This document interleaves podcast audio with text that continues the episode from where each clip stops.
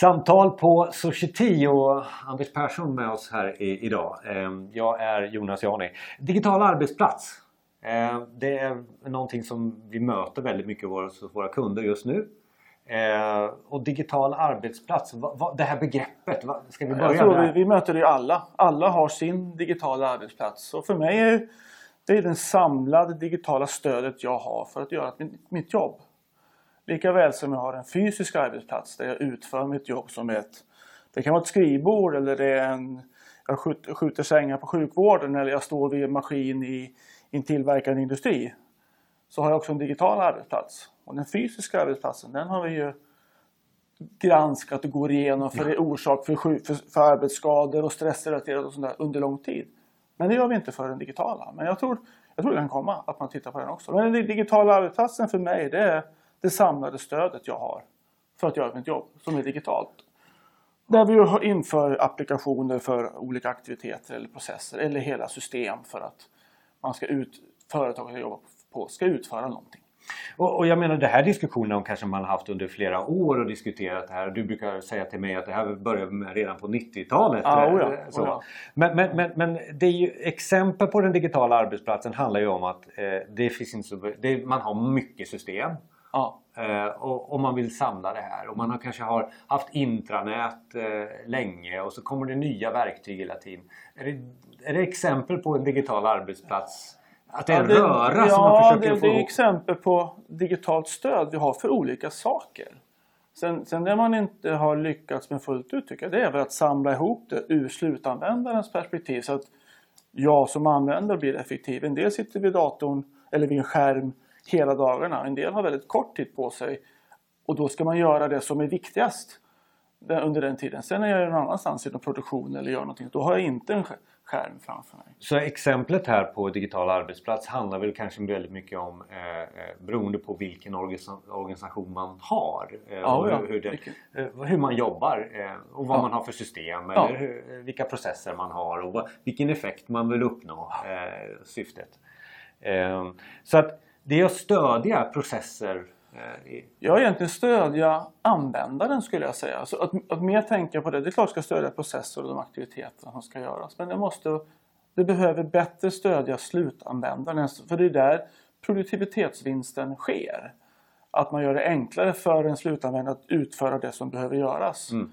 Och, eh, man har ju som, alla har ju sina eller de allra flesta jobbar ju i huvudsak i något eller några system. Sen är man sällananvändare i några andra. Sen ska man samarbeta med ett, olika personer på olika sätt. Och sen så som organisation behöver man på något sätt kunna få ut information till sina medarbetare. Men alla de tre funktionerna behöver ju fyllas eller finnas i min digitala arbetsmiljö på något sätt.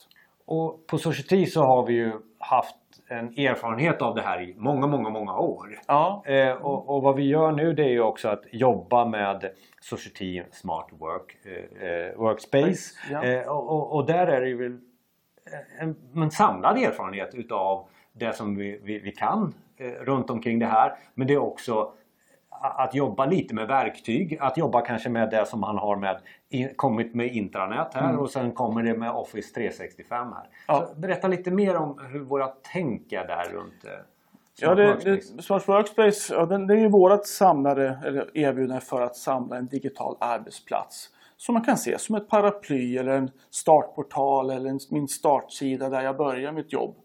För att underlätta vad jag ska utföra.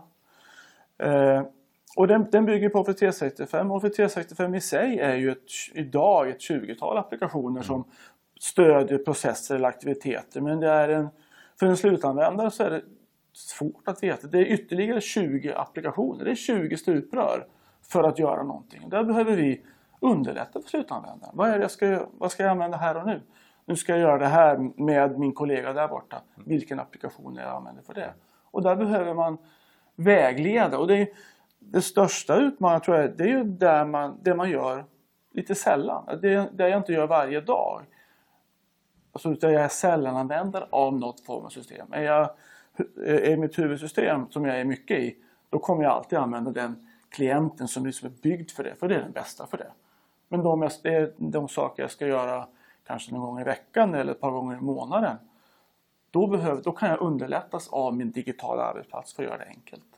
Så att eh, Society Smart Workspace det handlar ju om egentligen allting vi har satt upp som ett problem kanske och historik. Mm. Det är en liten aggregerad tanke från, från all vår erfarenhet. Ja, med, med verktyget Office 365 och med, med intranät kanske som, som pådrivande i, i, i det här. Ja, ett, ett intranät och integrera det samla den där jag också har annat. För jag som användare jag har ju mitt jobb jag ska göra och det som är viktigt, som är närmast mig, det är det som är det viktigaste för mig att få gjort.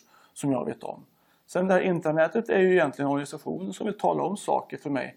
Både nyheter och styrande dokument eller handböcker eller vad man nu har på sitt intranät som jag ska veta var det finns och jag ska få ta det till mig. Men det kommer aldrig vara det viktigaste för mig som slutanvändare. Och i erbjudandet ska vi också påpeka att vi har ju med det här. Vi vet om att ni har ett arv. Vi ja, vet, visst, vi vet ja. om att det är här fortfarande integration med andra. Att det, det, ska vara förvaltning, det ska vara säkerhet runt omkring det här. Så att det finns väldigt mycket och det finns mer att läsa i, på society.se om det här. Och det här var bara en liten, en liten diskussion här med, med Anders. Mm. Tack så mycket. Tack Jonas.